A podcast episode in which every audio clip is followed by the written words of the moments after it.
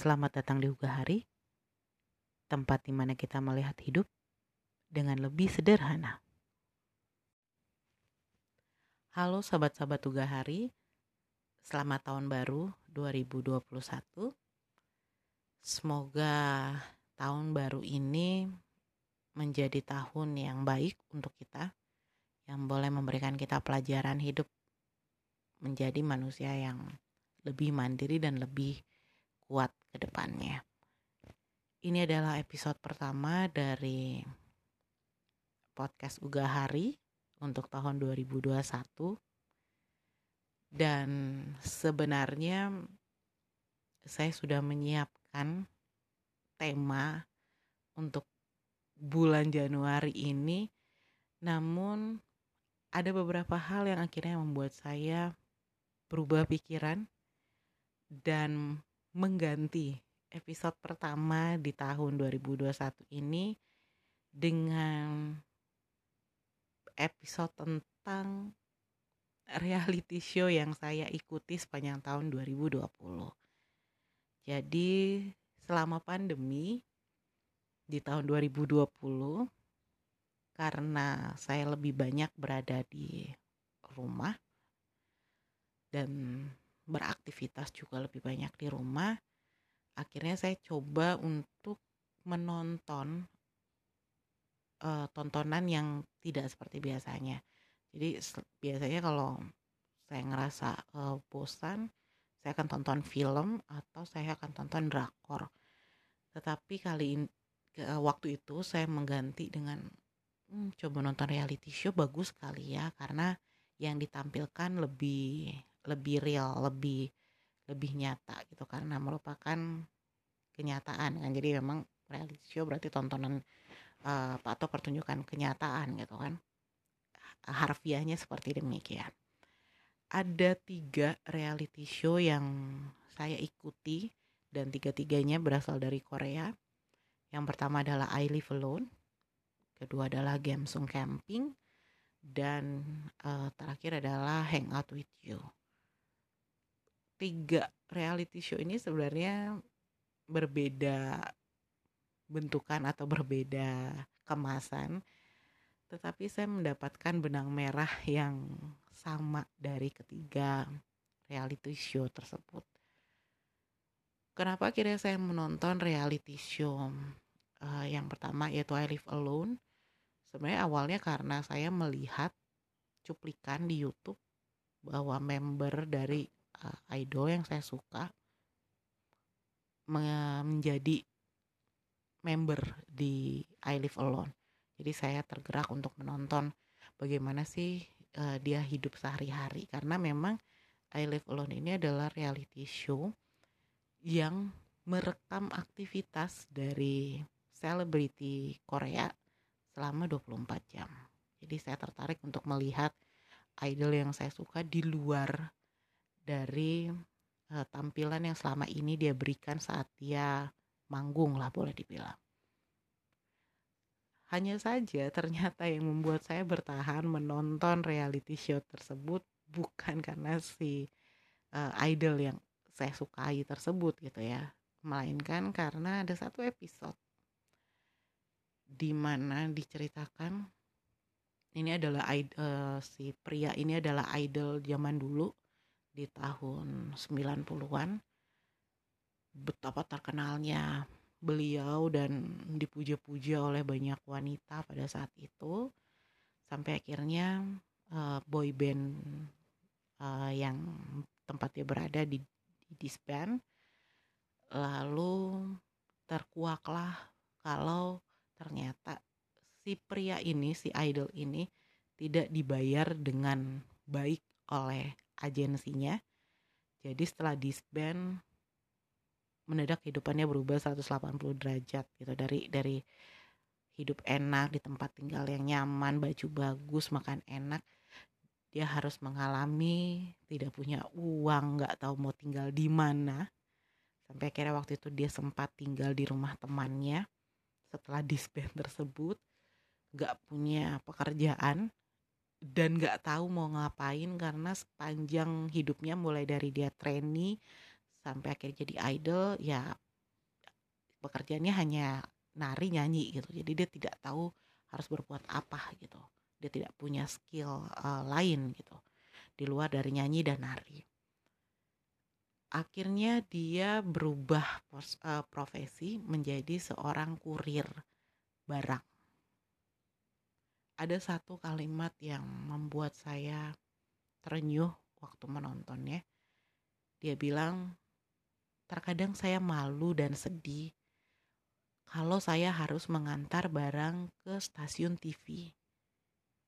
Dulu saat saya ke stasiun TV, saya akan masuk lewat pintu VIP, tetapi sekarang saat saya mengantar barang, saya masuk lewat pintu belakang. Dia tidak tahu bagaimana akhirnya hidup sebegitu keras me membentuknya. Tetapi dia katakan bahwa saya harus tetap bergerak maju karena kalau bukan saya yang menolong diri saya ya siapa lagi? Jadi dia tetap mengerjakan pekerjaannya sebagai pengantar uh, barang atau kurir barang di malam hari dan di waktu siang uh, dia dia menjadi seorang uh, pialang atau dia dia dia menjadi seorang broker gitu menjadi seorang yang yang bermain saham lah gitu ya. Dan itu dia lakukan untuk bertahan hidup. Jadi uh, ditunjukin gitu apartemennya sederhana sekali lalu bagaimana dia juga harus bangun malam? Jadi saat orang tertidur dia bangun untuk mengantarkan barang. Bahkan di saat musim dingin dengan badai salju dia tetap harus pergi mengantarkan barang. Saat saya menonton episode tersebut itu adalah masa di mana kita baru mengalami PSBB awal. Benar-benar nggak tahu apa yang akan terjadi kan saya merasa bahwa pengalaman dari si idol tersebut uh, menjadi kekuatan menjadi motivasi dan sarana saya juga berefleksi diri ternyata hidup harus dilihat dengan kacamata berbeda untuk bisa membuat kita bertahan menjalaninya. Karena ya balik lagi seperti tagline dari Uga Hari hidup tuh sederhana tapi manusianya yang rumit. Jadi berusaha untuk menyederhanakan pola pikir dan cara pandang itu akan membuat kita bisa bertahan menjalani hidup episode tersebut akhirnya membuat saya menonton ulang uh, episode yang sudah ada uh, di reality show tersebut hingga saya mengikuti episode yang ongoing saat ini. Dan terakhir di tahun 2020 Desember uh, episode yang juga akhirnya menjadi episode penguat buat saya. Dan saya ingin berbagi dengan uh, sahabat-sahabat Uga Hari tentang salah satu kartunis di Korea. Di salah satu kartunis terkenal webtoonnya juga sangat terkenal. Dan sepanjang tahun 2020 dia mengalami banyak sekali masalah. Dia dihujat oleh uh, netizen Korea sampai akhirnya dia di ban tidak boleh tampil di acara TV nasional mana pun. Dan saya sempat menulis uh, story waktu itu tentang tentang beliau. Karena dia ngerasa hidupnya begitu susah di tahun 2020, dia memutuskan untuk melakukan tantangan terhadap dirinya sendiri. Jadi dia challenge dirinya untuk berlari dari rumahnya ke suatu destinasi sejauh 56 km. Jadi dia menempuh perjalanan tersebut selama 10 jam. Diperlihatkan bagaimana dia mengalami kelelahan, sesak nafas, kram kaki, eh, letih secara fisik yang akhirnya mengakibatkan dia letih secara mental tetapi ini bukan masalah tentang berlari ini bukan masalah pindah dari satu tempat ke tempat lain yang dia coba uh, sampaikan sebenarnya adalah kita harus bisa men-challenge diri kita bahwa kita sanggup untuk mengalahkan apa pun yang terjadi di dalam hidup kita. Dan semuanya itu berpusat pada pikiran. Jadi sebenarnya suatu message yang luar biasa yang dia gambarkan dengan cara yang sederhana, cuman lari gitu. Tapi perjuangannya di saat dia capek lalu ada dorongan untuk berhenti untuk udahlah balik lagi aja ke ke rumah tapi akhirnya dia maju lagi dia maju lagi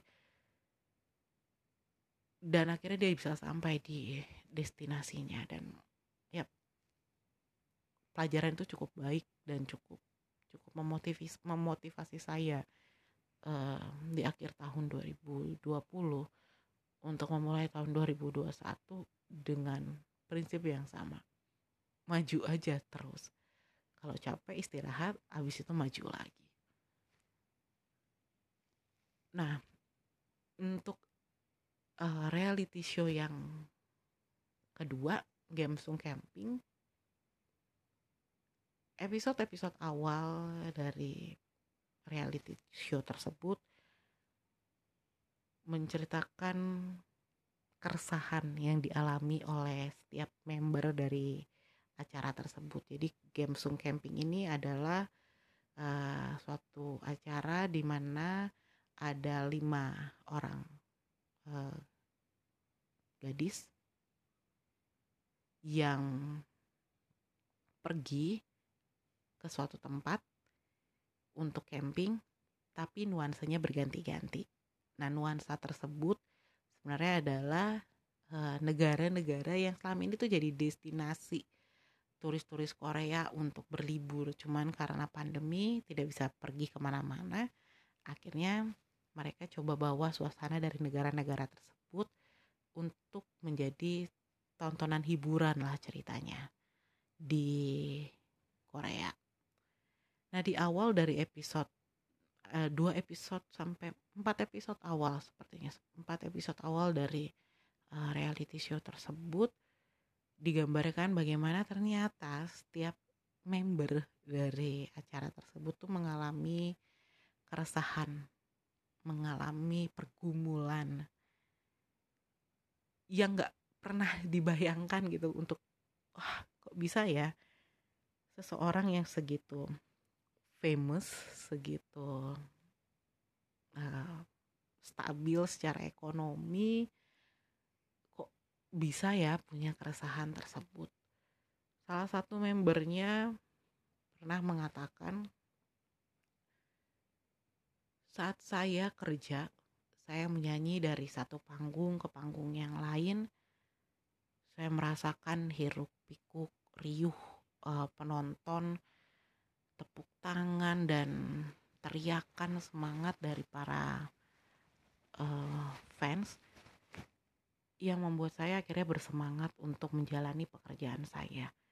Tetapi ketika saya pulang ke rumah, saya menemukan rasa sepi yang luar biasa yang yang menyergap saya dan saya nggak tahu harus menghubungi siapa gak ada yang bisa saya telepon, gak ada yang bisa saya kontak.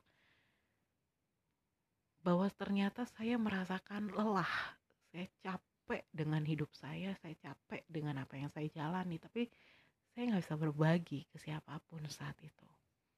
Karena itu sudah udah tengah malam, itu sudah sudah sudah subuh.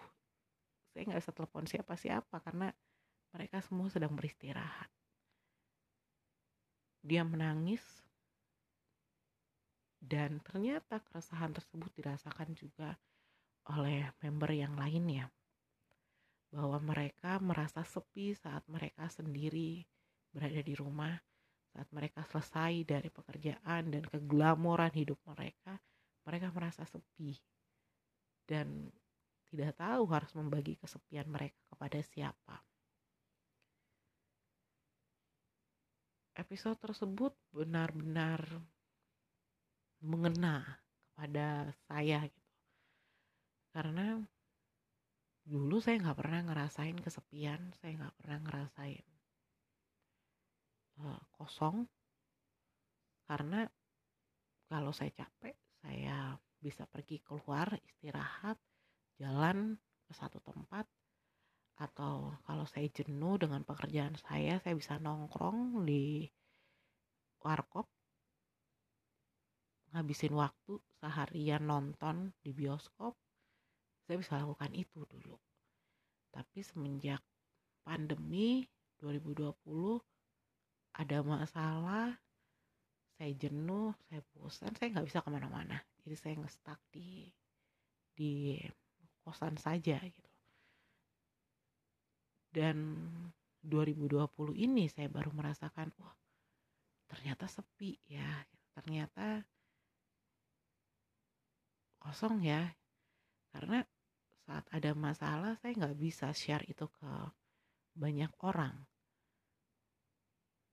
rasanya begitu egois untuk men-share masalah yang saya hadapi di saat orang lain juga sedang bergumul dengan masalah yang sama atau mungkin lebih berat. Jadi saya cenderung men menyimpan masalah atau rasa yang saya rasakan dan saat saya sudah bisa berdamai dengan hal tersebut biasanya baru saya akan cerita dengan sahabat-sahabat saya. Dan ternyata hal tersebut membuat saya sampai di titik uh, terendah kembali gitu di, di, di tahun 2020 yang akhirnya membuat saya berobat ke psikiater untuk bisa mengendalikan uh, pikiran yang saya miliki saat itu. Saya baru menyadari bagaimana ternyata artis-artis uh, Korea bisa melakukan tindakan bunuh diri. Padahal sebenarnya mereka stabil secara ekonomi mereka punya popularitas. Tapi mereka bisa sampai mengakhiri hidup mereka karena ternyata rasa sepi yang tidak bisa dibagi yang tidak bisa diluapkan itu membuat mental dari seseorang menjadi begitu lemah dan cenderung untuk berpikir tidak sehat. Episode uh, mengenai hal tersebut akhirnya yang membuat saya oke okay, saya harus tonton si reality show game uh, game Sung Camping ini sampai sampai selesai dan ya episodenya memasuki episode terakhir di Jumat malam di mana saya uh, merekam podcast ini. Dan untuk yang terakhir reality show terakhir yang saya tonton yaitu Hangout with You, saya hanya menonton uh, season ya atau bukan season ya disebutnya. Saya hanya nonton beberapa episode. Saya tidak mengikuti Hangout with You dari awal tetapi saya mulai menonton saat ada kerjasama untuk membentuk uh, girl band namanya Rivan Rivan Sisters. Jadi isinya penyanyi-penyanyi wanita Korea yang dulu adalah penyanyi terkenal jadi boleh dibilang divanya Korea dan digabung dengan penyanyi muda yang sekarang lagi naik daun di Korea. Jadi mereka dikumpulkan jadi satu lalu di, diberi nama sebagai uh, Rivan Sister salah satu episode yang saya ingin bagikan kepada sahabat-sahabat Uga Hari dan ada pelajaran yang sangat baik yaitu pada saat mereka harus recording jadi harus merekam uh, lagu mereka ternyata saya juga baru tahu seorang salah satu uh, membernya itu adalah diva di masa lalu namun beberapa tahun belakangan dia mengalami penyakit kanker uh, kanker faring kanker tenggorokan dan harus dioperasi. Pada saat proses operasi pita suara dari si penyanyi ini itu rusak sehingga dia tidak bisa menyanyikan beberapa nada atau uh, suara yang dihasilkan tidak sebaik saat dia dulu sebagai uh, seorang diva. Saat dia harus uh, masuk ke ruangan recording, dia tahu dia tidak akan mampu untuk menyanyikan partnya karena di part yang dia miliki itu semua semua adalah nada-nada yang dia nggak bisa nyanyikan dengan baik.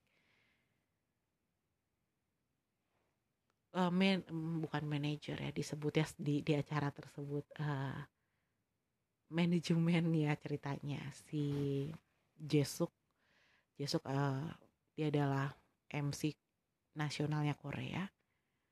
Dia tahu keresahan hati dari si penyanyi ini. Jadi dia meng-hire satu uh, vocal coach untuk melatih si penyanyi tersebut sebelum masuk ke masa recording.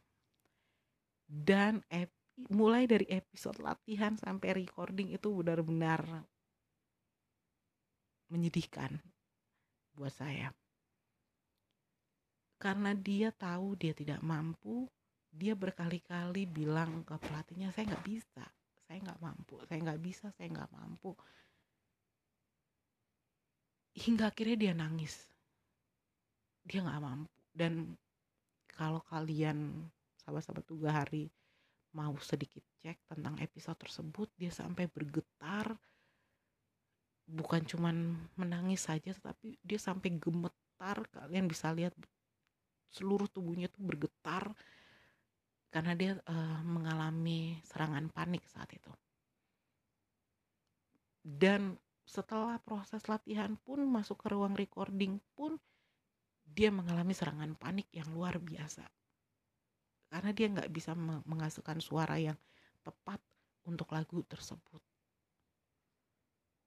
yang saya coba bagikan ke kalian adalah saat seseorang mengalami masalah mental, saat seseorang mengalami uh, gangguan dalam jiwa mereka, ada baiknya, ada baiknya. Jika kalian kalau kalian tidak tidak mau nih terlibat dengan orang tersebut ya udah pergi nggak usah kasih komentar. Tapi kalau kalian mau sedikit menaruh perhatian dengarkan dan jangan hakimi. Itu yang yang dilakukan oleh orang-orang di sekitar dari si penyanyi tersebut. Walaupun mereka sebenarnya capek gitu ya menunggu si penyanyi ini stabil lagi moodnya stabil lagi kondisinya karena dia nangis terus menerus saat proses rekaman tapi mereka tetap kasih semangat. You can do it you can do it. Kamu bisa kok bisa kok bisa nih pasti bisa. Tidak ada satupun kalimat yang merendahkan atau menjatuhkan. Semua orang juga ketakutan kok kalau masuk ruangan rekaman. Udah santai aja kamu pasti bisa. Dan itu yang mengembalikan semangat dari si penyanyi tersebut. Uh, sedikit buat berbagi dengan kalian beberapa waktu lalu saya menonton siaran uh, dari salah satu channel di YouTube. Channel ini dimiliki oleh seorang psikiater yang bekerja di salah satu rumah sakit swasta. Uh, beliau mengatakan bahwa jangan terlalu gampang bilang saya depresi saya kena serangan panik, saya kena serangan kecemasan. Terkadang, terkadang ya, yang saya dapati gitu dengan orang-orang di sekitar saya terlalu easy gitu untuk bilang I'm having a panic attack atau I'm having anxiety attack. Padahal sebenarnya dia cuman ya stres, stres biasa yang nggak ada apa-apa gitu loh. Tapi kayaknya sekarang orang gampang banget kalau sedih atau stres saya depresi saya saya ngalamin uh, serangan panik saya mengalami serangan kecemasan gitu. Sehingga akhirnya nanti saat orang-orang yang emang benar-benar mengilimi mem memiliki atau mengalami problem tersebut tuh akhirnya jadi di, disepelein gitu sama orang lain. Alah depresi depresian atau alah uh, anxiety anxietyan gitu. Jadi ya please untuk nggak nggak nggak terlalu gampang juga memberi label uh, saya depresi hanya karena mungkin baru diomelin sama bos sedih terus saya depresi gitu. Nggak tahu ya tapi uh, saya agak sedikit nggak bisa menerima untuk orang-orang yang seperti itu karena saya ngelihat gitu gimana seseorang yang memang memiliki gangguan kecemasan atau gangguan panik tuh bahkan mereka nggak sempat untuk untuk tell to the world that I'm having this uh, problem. Mereka nggak punya waktu untuk itu gitu. Karena saat serangan itu datang ya ya seperti yang tadi saya ceritakan gitu si penyanyi tersebut gitu saat serangan panik itu datang dia bergetar seluruh tubuhnya bergetar dia menangis dia dia bahkan nggak bisa ceritakan apa yang dia rasakan ke ke orang di sekitarnya. That's the real that's the real mental issue. Dan ya saya coba ajak sahabat-sahabat hari untuk kenali dulu gitu loh sebelum akhirnya kita melabel diri kita dengan dengan mental issue atau hargai orang yang emang benar-benar memiliki mental issue tersebut itu karena nggak mudah untuk menjalaninya. So itu adalah pelajaran yang saya dapatkan dari reality show yang saya tonton. Nggak semua tentang Korea isinya uh, idol-idol atau nggak semua tentang Korea isinya drakor-drakor yang kalau kata orang-orang it's a fake life. Cuman ada di drakor. Eh kalau dikit-dikit ada drama gitu dalam dalam uh, kegiatan hidup sehari-hari atau orang di sekitar kita kita langsung bilang kayak man life is not uh, drakor. Karena ternyata memang nggak nggak semua seperti itu gitu. Banyak hal baik atau banyak tontonan yang sebenarnya layak tonton yang berasal dari Korea yang kalau diikuti setiap episodenya itu memberikan kita pengalaman atau perspektif baru tentang hidup. Itu yang saya alami. Kalau kalian mau cek kalian juga bisa cek uh, ketiga uh, reality show tersebut I Live Alone Gamsung Camping dan Hangout with You. Walaupun Hangout with You saya cuma nonton di bagian uh, refund sistemnya saja sebagai kalimat terakhir sebelum saya menutup podcast kali ini saya mau ajak sahabat-sahabat Uga Hari untuk pertama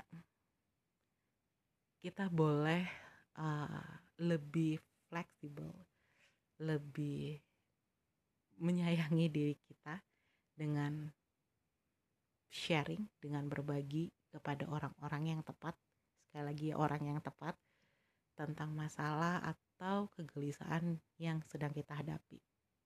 Please jangan tahan sendiri, please jangan simpan sendiri karena saat itu sudah sampai di titik otak kita mampu menahannya.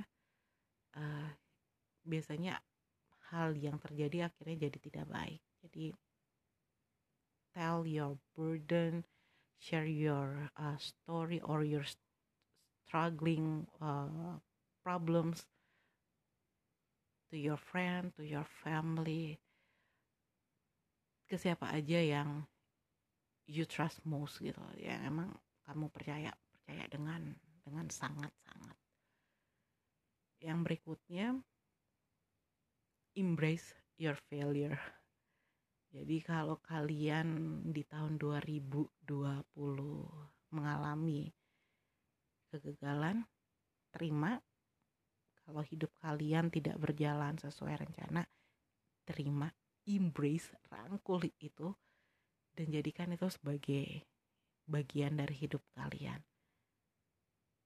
Setelahnya, jangan lupa untuk move on, bergerak maju dan ignore apa pun yang orang-orang katakan. Jadi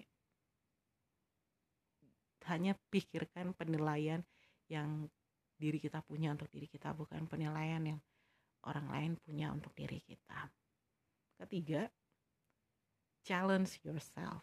Jadi tahun 2021 buat challenge buat diri kalian sendiri. Katakan pada diri kalian I can do it. I will do it. Pastikan kalian memang melakukannya dan karena karena memang kalian mampu untuk melakukannya jadi saat ada masalah never say that I can face this problem but I can finish this problem I can solve this problem I can conquer this problem. Jadi katakan bahwa kalian kalian bisa bisa selesaikan masalah tersebut kalian bisa kalahkan masalah tersebut gitu loh. Dan yang terakhir